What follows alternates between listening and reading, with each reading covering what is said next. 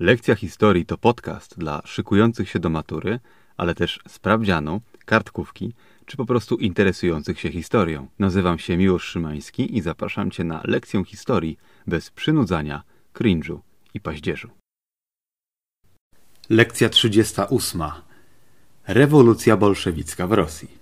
Pokrótce wspominałem już o obu rewolucjach, to znaczy i lutowej, i październikowej, tylko teraz tak, na szybko dla przypomnienia chciałbym powiedzieć, że rewolucja lutowa, która wybuchła oczywiście w marcu, bo Rosjanie używali starego kalendarza, wybuchła tak naprawdę 3 marca i zaczęła się od strajku w zakładach putiłowskich w Piotrogrodzie, gdzie produkowano amunicję. Robotnicy oczywiście domagali się podwyżki pensji, potem jeszcze obniżek cen, ponieważ w owym czasie Rosja gospodarczo była już tak naprawdę na kolanach. Wtedy inflacja szalała, ceny rosły, a pensje były ciągle takie same, ponieważ były odgórnie normowane.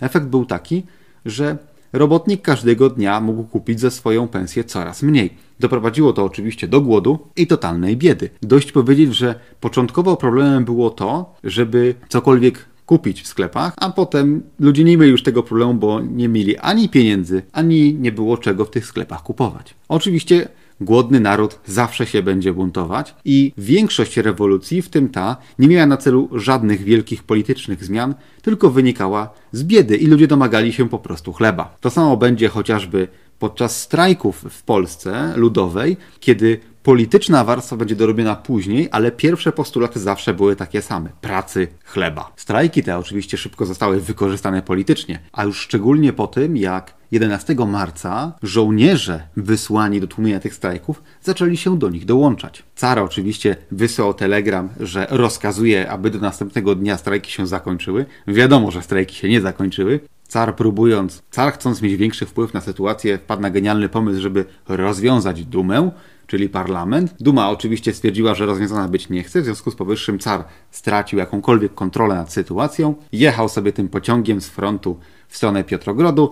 Do Piotrogrodu ostatecznie nie dojechał, zatrzymał się w, Pskowie i za namową szefa sztabu armii i bardzo wielu generałów, praktycznie wszystkich, 15 marca abdykował, powstał rząd tymczasowy. Następnego dnia abdykował następca cara Mikołaja, czyli jego brat Michaił, który stwierdził, że jest już taki chaos, że on nie zamierza się w to pakować, moim zdaniem słusznie, i pełnię władzy teoretycznie przejął rząd tymczasowy, którego premierem został książę Lwow, a ministrem spraw zagranicznych Aleksander Kiereński, o którym będzie jeszcze głośno. W tak zwanym międzyczasie powstają w dużych miastach rosyjskich rady delegatów robotniczych i żołnierskich. Rady te były oczywiście tworzone z inspiracji komunistów i socjalistów. Przy czym komuniści i socjaliści, delikatnie mówiąc, nie stanowili jednej grupy, ponieważ partii lewicowych szeroko pojętych było w Rosji mnóstwo. Byli eserowcy, czyli socjaliści, rewolucjoniści, była partia bolszewików, była partia mniejszewików, byli także anarchiści i bardzo wiele innych mniejszych środowisk,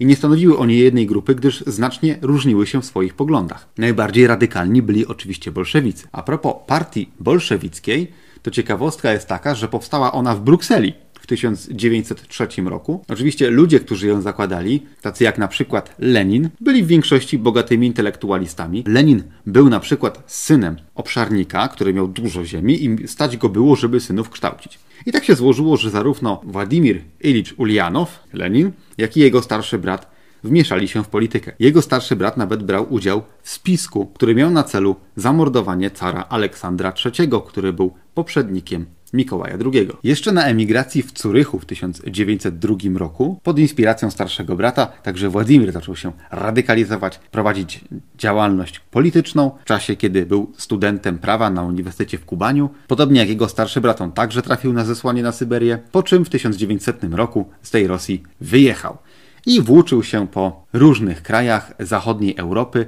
Miał na to pieniądze, ponieważ, jak już mówiłem, był z bogatej rodziny. I na tej emigracji w 1902 roku spotkał Lwa Trockiego, który także pochodził z bogatej rodziny. Spotkali się panowie w Curychu, bo Trocki przyszedł po prostu do domu Lenina i tam sobie rozmawiali, spiskowali, ale generalnie akcja była taka, że Lenin był bolszewikiem, a Trocki był mniejszewikiem. Jaka była między nimi różnica? Tak naprawdę niezbyt duża, ale generalnie sprowadzała się ona do tego, że bolszewicy zakładali, że bolszewicy pod wpływem Lenina skłaniali się raczej w stronę rządów autorytarnych, w których jest wódz, który dyktuje jaka jest wola ludu, a mniejszewicy uważali, że raczej władza powinna być bardziej oddolna, bardziej demokratyczna, ale generalnie jednym i drugim chodziło o to, żeby znieść podział na klasy, oczywiście całkowicie wypatroszyć arystokrację, ograbić ją ze wszystkiego, obalić carat, zepchnąć religię jak najdalej od państwa, a najlepiej w ogóle zdelegalizować, no i oczywiście wprowadzić ideały marksistowskie, które zasadzały się przede wszystkim na tym, że lud ma kontrolować środki produkcji. I teraz ważna tutaj uwaga na boku. Marx, który zmarł w 1883 roku, a więc na bardzo wiele lat przed wybuchem w ogóle jakiejkolwiek rewolucji w Rosji, nie był przeciwny prywatnej własności jakoś tak bardzo, nie był także przeciwny bogaceniu się ludzi. On po prostu uważał, że jeżeli jest fabryka, to ona powinna być wspólną własnością wszystkich pracujących w niej robotników, a nie właściciela fabryki, który wypłaca robotnikom pensję wedle uznania, a sam kasuje większość zysków. Marx uważał, że jeżeli ktoś się dorobił swoją ciężką pracą, to jak najbardziej może być bogatym człowiekiem. Natomiast nie może on dorobić się na pracy cudzej. Na tym mniej więcej opierała się doktryna marksistowska. Poza tym Marx był przekonany, że rewolucja wybuchnie w Niemczech, sam był Niemcem przecież, gdyż w Niemczech jest dużo zakładów pracy, jest duża klasa robotnicza, miliony całych robotników w całych Niemczech i, i oni mogą tę rewolucję wzniecić. Natomiast zakładał, że w Rosji żadna rewolucja nie wybuchnie, bo za jego życia Rosja była państwem niezwykle zacofanym, którym funkcjonował feudalizm tak naprawdę i Rosja w dalszym ciągu społeczności miejskiej miała mało, klasy robotniczej miała mało, a miażdżąca większość społeczeństwa po prostu pracowała na roli. Po śmierci Marksa ta sytuacja się troszeczkę zmieniła, niemniej jednak w czasie I wojny światowej Rosja w dalszym ciągu była, była krajem przede wszystkim rolniczym. Mimo tego, że istniały w niej duże miasta i było parę milionów robotników, no to jednak w porównaniu do ponad 100 milionów chłopstwa to było ciągle bardzo mało. No i jeszcze a propos tego chłopstwa, to i mniejszewicy, i bolszewicy zakładali, że ziemia nie powinna być własnością prywatną, tylko powinna być własnością społeczną. I na tej wspólnej ziemi powinni gospodarzyć chłopi tak żeby każdy miał kawałek ziemi, z której się może wykarmić, ale przede wszystkim tak, żeby nie było takiej sytuacji, że chłop pracuje na ziemi, która nie jest jego własnością i oddaje komuś swoje plony. Chłop miał pracować na ziemi wspólnej, której jest współwłaścicielem. No, nie wchodząc generalnie za bardzo w ideologię, nie ma to większego sensu, ponieważ ideały Marksa zostały przerobione przez Lenina na leninizm, a potem przed Stalin zrobił z tym co swoje. Generalnie, ostatecznie Ideologia komunistyczna była używana tylko i wyłącznie jako wytrych do tego, żeby przejąć władzę, a to, czy była dokładnie realizowana, czy nie, nie miało już większego znaczenia. Najlepiej widać to dzisiaj na przykład w Chinach, których rządzi teoretycznie chińska partia komunistyczna, znaczy partia nie rządzi teoretycznie, partia rządzi żelazną ręką. Chodzi o to, że ona jest teoretycznie komunistyczna, gdyż w Chinach aktualnie panuje turbokapitalizm do tego stopnia, że nawet opieka zdrowotna jest całkowicie prywatna i trzeba za nią płacić. W ogóle w Chinach trzeba płacić za wszystko i tam w Chinach panuje taki kapitalizm, jakiego myśmy nie widzieli nawet w latach 90. Niemniej jednak formalnie jest to kraj komunistyczny, co oczywiście z komunizmem wspólnego ma już bardzo niewiele, nie licząc czerwonego sztandaru. Dlatego jeżeli chodzi o Rosję i komunizm, to nie fiksowałbym się na tym, żeby wiedzieć dokładnie, co głosili komuniści, bo dla nich to było tylko i wyłącznie sposobem do zdobycia władzy, gdyż kraju, w którym miażdżąca większość ludzi jest chłopstwem, a potem całkiem spora część to są robotnicy. Żeby mieć poparcie szerokich mas, trzeba głosić takie właśnie poglądy, no bo trudno, żeby w demokratyczny sposób, mniej lub bardziej, wygrać w Rosji, mówiąc, że będzie się popierało na przykład burżuazję, prawda, której było bardzo mało. No i w trakcie tej rewolucji lutowej, jeszcze przed abdykacją cara, dokładnie 12 marca, powstaje w Piotrogrodzie ta Rada Delegatów robotniczych i żołnierskich, która była alternatywnym parlamentem. Te rady powstały także w innych miastach i rady te twierdziły, że one mają prawdziwą władzę, a nie te jakieś y, parlament całego kraju, czyli Duma czy rady miejskie, ponieważ tamte rady miejskie są wybierane spośród bogatych, a tu rady delegatów robotniczych i żołnierskich, one tak naprawdę reprezentują lud, tę większość rosyjskiego społeczeństwa, która do tej pory była niereprezentowana i to twierdzili, że to właśnie oni powinni dzierżyć władzę. No i rewolucja w Rosji się rozpędza i tak już mówiłem, Niemcy dają Leninowi kasę, Lenin w Curychu wsiada w pociąg, jedzie do Piotrogrodu, destabilizować sytuację zgodnie z niemieckimi życzeniami. No i tutaj nie jest tak, że Lenin był niemieckim agentem.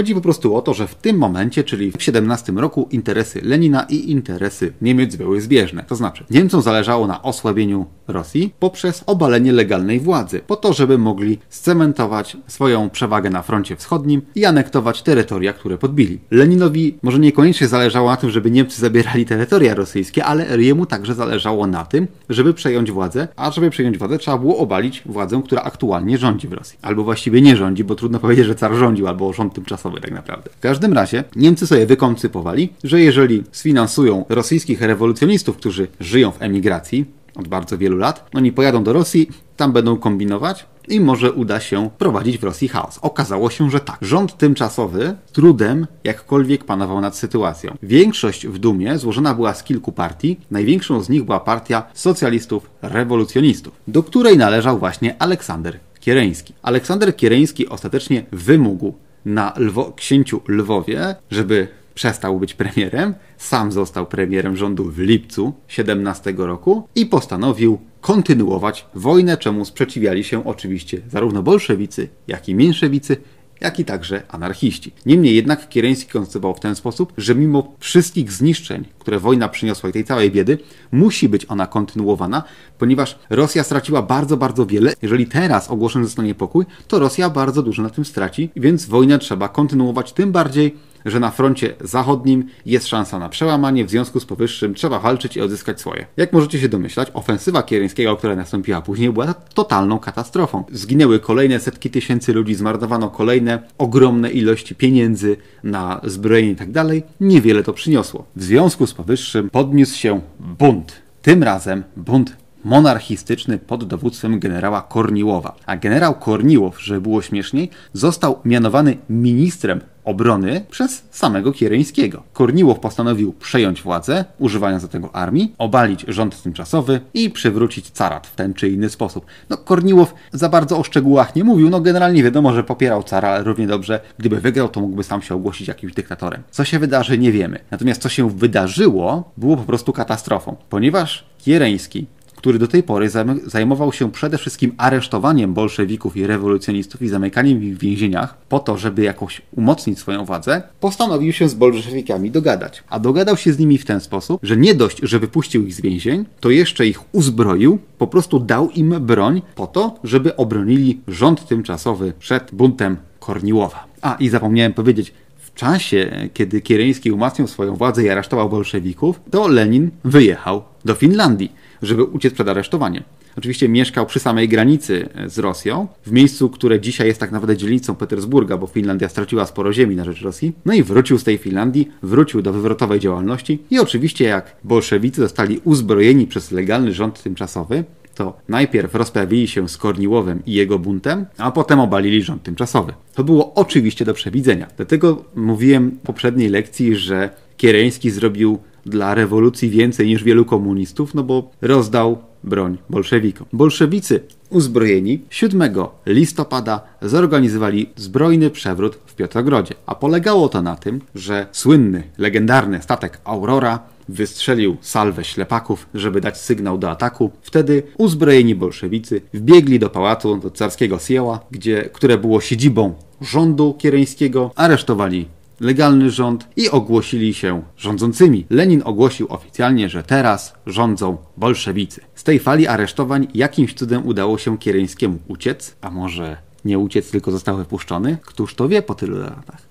Faktem jest, że Kiereński uciekł do Francji, z której podczas II wojny światowej uciekł do Nowego Jorku i zmarł sobie spokojnie w 1970 roku dopiero. No i po przejęciu władzy Lenin zaraz dekretuje Rosja pod jego władzą będzie dążyć jak najszybciej do pokoju, do reformy rolnej, o której mówiłem, i wprowadza minimalne wynagrodzenie w kraju, tak, żeby robotników stać było na jedzenie. Znaczy wprowadzenie minimalnego wynagrodzenia to jedno, ale zapewnienie, żeby za te wynagrodzenie dało się coś kupić, to jest kompletnie inna sprawa. No ale od czegoś trzeba zacząć. Przy okazji Lenin ogłosił także, że Rosja zaakceptuje niepodległość Finlandii, że zwiększone zostaną prawa kobiet oraz wprowadzona zostanie powszechna edukacja i opieka zdrowotna. No i na to wszystko w glorii, chwały i sukcesów Lenin ogłasza wolne i demokratyczne wybory do Dumy Państwowej, które odbywają się 25 listopada i okazuje się, że bolszewicy je przegrywają. Wyniki wyborów są następujące, wygrywają je socjaliści rewolucjoniści, a więc partia Kiereńskiego, której Kiereński już nie jest, bo uciekł, którzy zdobywają 38% głosów, a bolszewicy tylko 23%. Ze znaczących sił jest także ukraińska partia socjalistyczna, która dostaje 13%, a oprócz tego mięszewicy, kozacy i konstytucyjni demokraci, czyli kadeci, dostają po 2-3-4%. Także z liczących się sił w Dumie są, jak już mówiłem, eserowcy, bolszewicy i ukraińscy socjaliści. Lenin oczywiście przyjmuje na klatę te wyniki wyborów i zabiera się za demokratyczną działalność w Rosji. Oczywiście. Demokratyczna działalność bolszewików polega na tym, że następuje pierwsze posiedzenie Dumy 18 stycznia i po 13 godzinach obradowania Duma zostaje rozwiązana, ponieważ bolszewicy nie wygrali wyborów. Władzę przejmuje wszechrosyjska Rada Delegatów Robotniczych, a Lenin na wszelki wypadek nie ryzykuje już żadnych innych wyborów, tylko wprowadza dyktaturę proletariatu, która z grubsza polega na tym, że formalnie rządzą bolszewicy, których wspierają także mięszewicy oraz radykalne skrzydła socjalistów, rewolucjonistów, ale tak naprawdę rządzi Lenin, który mówi, że demokracja, wybory to są bardzo złe rzeczy i ustrój komunistyczny jest lepszy, bo on w jakiś sposób lepiej oddaje wolę ludu. I oczywiście Lenin wie najlepiej, na czym polega wola ludu. Człowiek, który nigdy pewnie łopaty w rękach nie trzymał. Sytuacja jest oczywiście taka, że mamy początek 18 roku, Niemcy zbliżają się nieupłaganie do Piotrogradu, bo przecież wojska niemieckie są już w Estonii. W związku z powyższym Lenin postanawia przenieść stolicę do Moskwy i to z kilku powodów. Po pierwsze, chciał wprowadzić jakieś takie nowe rozdanie, wiecie, tutaj nowy ustrój, to będzie też nowa stolica, bo ten Piotrogród kojarzy się z carami, bo przecież powstał na polecenie cara Piotra Wielkiego. Poza tym Moskwa była troszeczkę dalej od niemieckich wojsk, od Piotrogrodu, a Piotrogród miał wtedy sporą szansę na to, że zostanie zdobyty, bo jak mówiłem, Niemcy mieli swoje wojsko 150 km od miasta. Także przeniesienie stolicy do Moskwy ma miejsce 12 marca, a w tle cały czas toczą się rozmowy w Brześciu Litewskim. I były one dosyć mocno przedłużane, ponieważ, ponieważ Trocki uważał, że za chwilę już wybuchnie rewolucja w Niemczech, więc rozmowy trzeba przedłużać, więc wymyślił politykę z cyklu ani wojna, ani pokój. Natomiast Lenin mówił, że nie wiemy, kiedy wybuchnie rewolucja w Niemczech, oby jak najszybciej. Podpiszmy cokolwiek, żeby mieć chwilę oddechu, a cokolwiek nie podpiszemy, przecież taki traktat jest tylko kartką papieru, którą można podrzeć i robić swoje. No i muszę przyznać, że tutaj akurat Lenin miał rację. Oczywiście w międzyczasie, w lutym 1918 roku, Trocki jako specjalista od wojska i obrony ustroju komunistycznego tworzy Armię Czerwoną, która z początku istnieje tylko na papierze, ale w ciągu roku urośnie do 500 tysięcy żołnierzy. Początkowo składa się ona z grupy oficerów z carskiej armii i zbieraniny chłopów i robotników, którzy nie mają pojęcia o walce, oraz drobnej grupy prawdziwych żołnierzy, ale tych jest jednak mało, bo są albo na froncie, albo delikatnie mówiąc nie są już zainteresowani walczeniem dla kogokolwiek o cokolwiek. W zaistniałej sytuacji, kiedy bolszewicy przejmują władzę w Rosji, zachodnie siły zaczynają reagować. Już w marcu 18 roku następuje brytyjsko-francuski desant wojsk w Murmańsku, to jest tam na północy za kołem podbiegunowym. W kwietniu natomiast następuje brytyjsko-japoński desant wojsk we Władywostoku, czyli tuż obok Japonii. Znajdując się w sytuacji, w której pokój z Niemcami został podpisany na bardzo niekorzystnych dla Rosji radzieckiej już wtedy warunkach, Brytyjczycy Francuzi i Japończycy zaczynają lądować w Rosji, wspierając y, obalony rząd Kiereńskiego, Lenin wprowadza w Rosji komunizm wojenny. Komunizm wojenny ogranicza się generalnie do tego, że komunistyczne ideały komunistycznymi ideałami, ale żywność chłopom trzeba zabierać, żeby wykarmić Armię Czerwoną i robotników w miastach, którzy produkują broń i amunicję.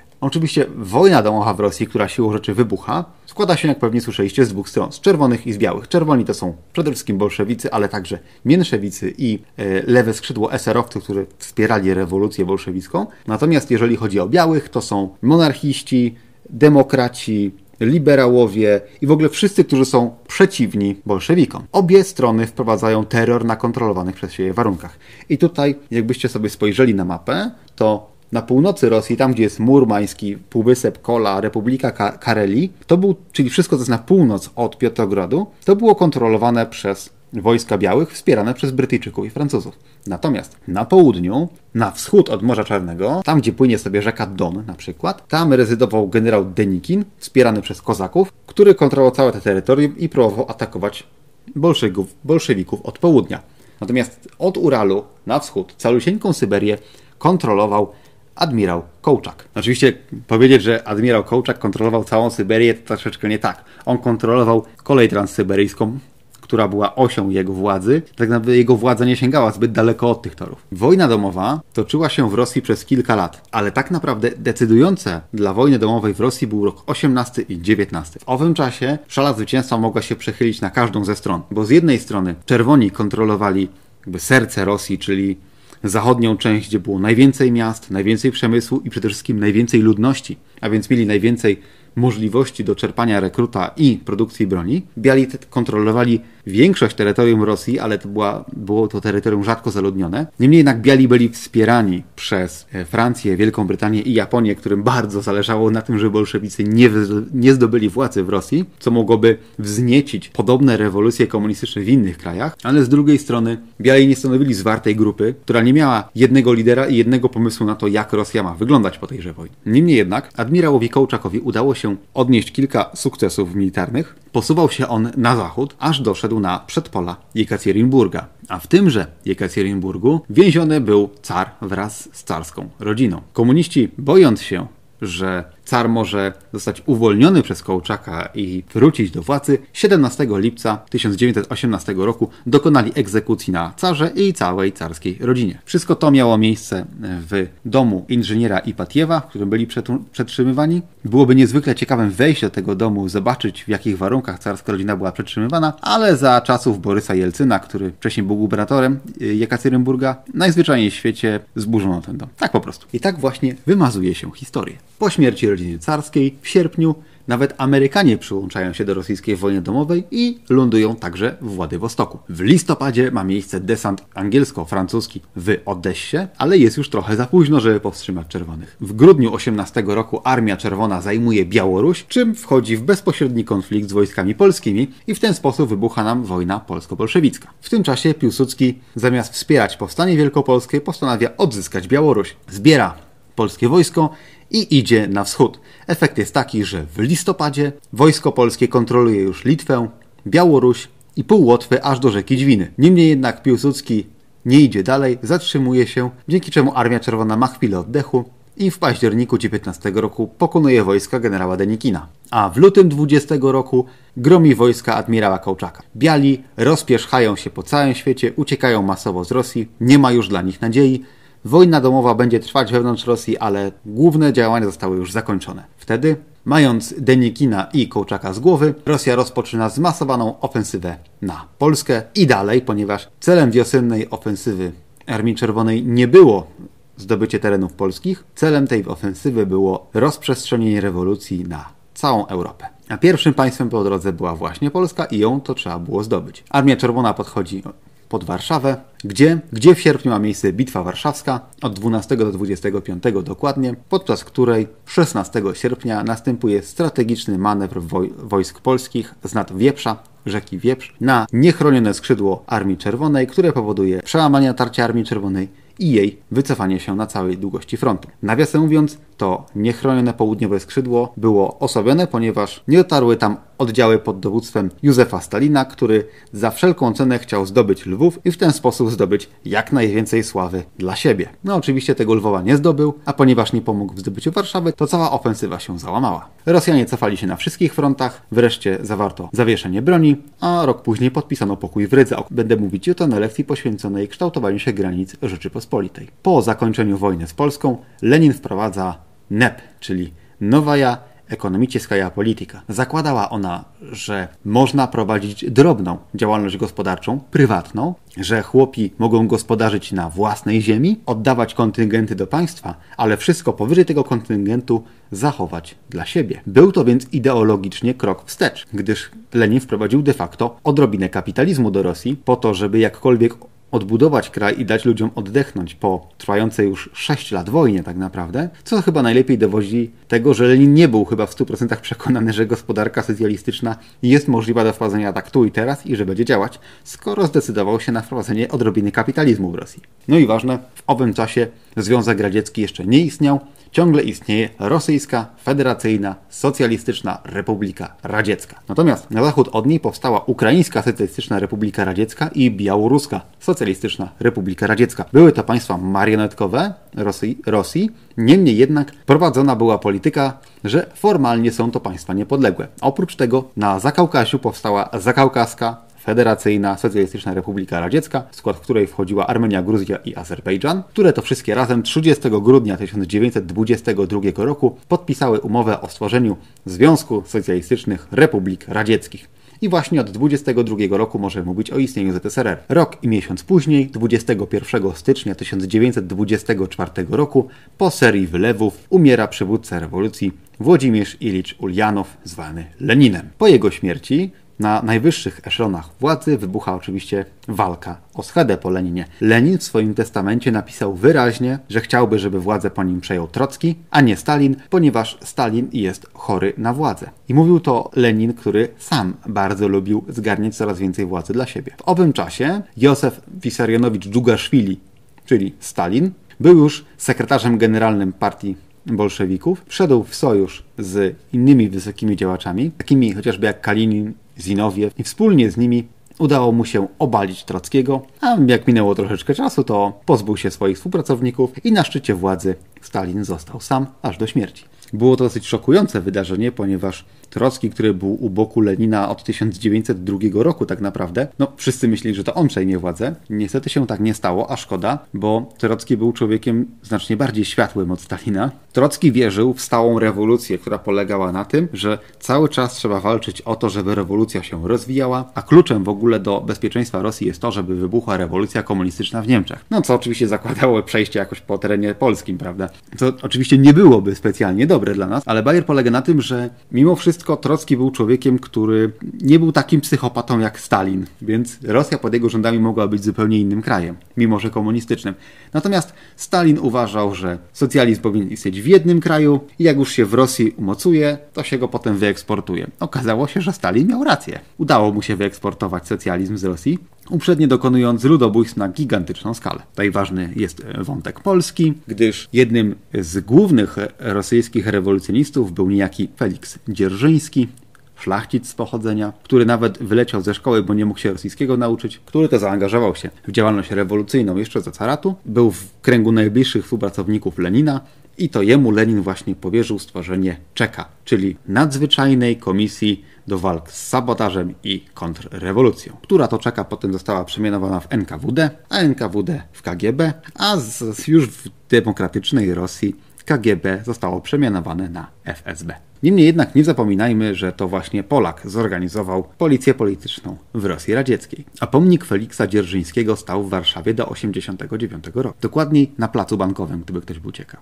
To by była rewolucja radziecka w Rosji tak pigułce. Ważne rzeczy do zapamiętania to to, że rewolucja musiała wybuchnąć jakakolwiek, ponieważ Rosja była krajem zacofanym, biednym, wyniszczoną wojną, zdemotywowanym porażkami na froncie i to ogromnymi porażkami, gdyż przypominam, że przed wojną Rosja kończyła się w Słupcy, w Wielkopolsce. W 18 roku po podpisaniu pokoju brzeskiego ze Słupcy do granicy rosyjskiej było prawie 2000 km.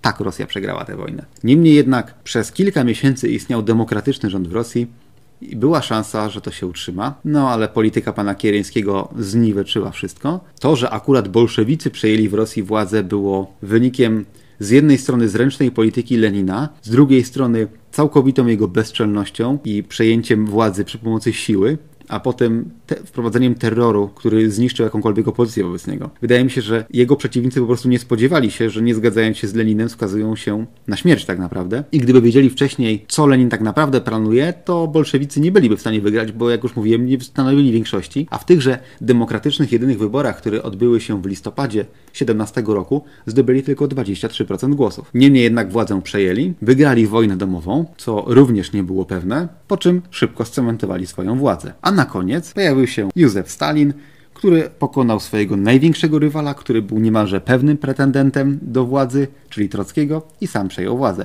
Dlatego jakby zastanowić się, jaka była szansa na to, że Stalin przejmie władzę, zaczynając od 1900 na przykład 17 roku, żeby Stalin przejął władzę, Lenin musiał przejąć władzę, czyli bolszewicy musieli przejąć władzę, wygrać wojnę domową i tak dalej. Wyobraźcie sobie rzut kostką. Przy każdym tym wydarzeniu, żeby poszło dobrze, trzeba koniecznie wyrzucić 6. No to jedziemy, nie? Wybucha rewolucja i cary jej nie stłumi. Bum, szósteczka, nie? Potem wybucha kolejna rewolucja rewolucja i bolszewicy z tych wszystkich partii, które funkcjonowały, przejmą władzę. Kolejna szósteczka. Wygrać wojnę domową, kolejna szósteczka i na koniec, że Stalinowi się uda, kolejna szósteczka. Było to prawdopodobne, ale bardzo mało. Niemniej jednak stało się. Na nieszczęście dla milionów ofiar stalinowskiego terroru. To tyle na teraz. Cześć. Jeśli interesuje Cię historia poza materiałem szkolnym, to sprawdź moją drugą audycję za rubieżą. Jeśli podoba Ci się to, co robię, to możesz rozważyć wsparcie mnie na patronite.pl/miloszymański. Tworzę i mieszkam w kamperze. Jeśli interesuje Cię vanlife, to sprawdź kanał Wawrzyńcem na YouTube.